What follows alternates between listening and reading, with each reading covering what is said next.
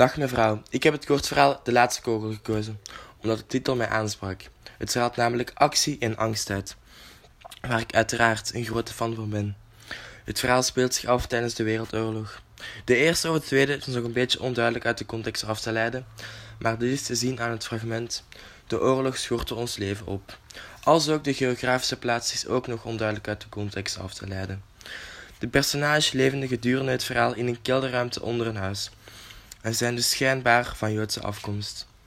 De functie van de ruimte is karakteristiek omdat de volgende voorbeelden uit de tekst de koelte van de kelderruimte luchtte mevrouw Mersada en Ranko zichtbaar op en, om ons eens stonk het naar uitwerpselen, een versterkend angsteffect uitoefenen op de lezer.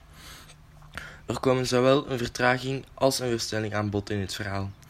De vertraging aan het begin toont al direct de killerruimte aan. Het moment dat Ranko onze kelder binnenkwam, wist ik dat hij zijn moeder haatte.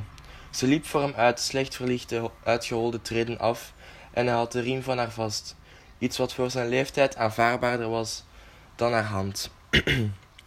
de verstelling wijst naar de dure en met welk wijst naar de duur en met welke verveling de personages moeten overleven. In de loop van de voorbije weken had ik in Mikado een reputatie opgebouwd. In mijn opinie is de verhaallijn goed opgebouwd en zeer gedetailleerd. Het leest vlot en de spanning wordt afgewisseld met hoop. Ik ben er zeer tevreden over. Ik zeg u vaarwel, tot nadere orders, kolonel.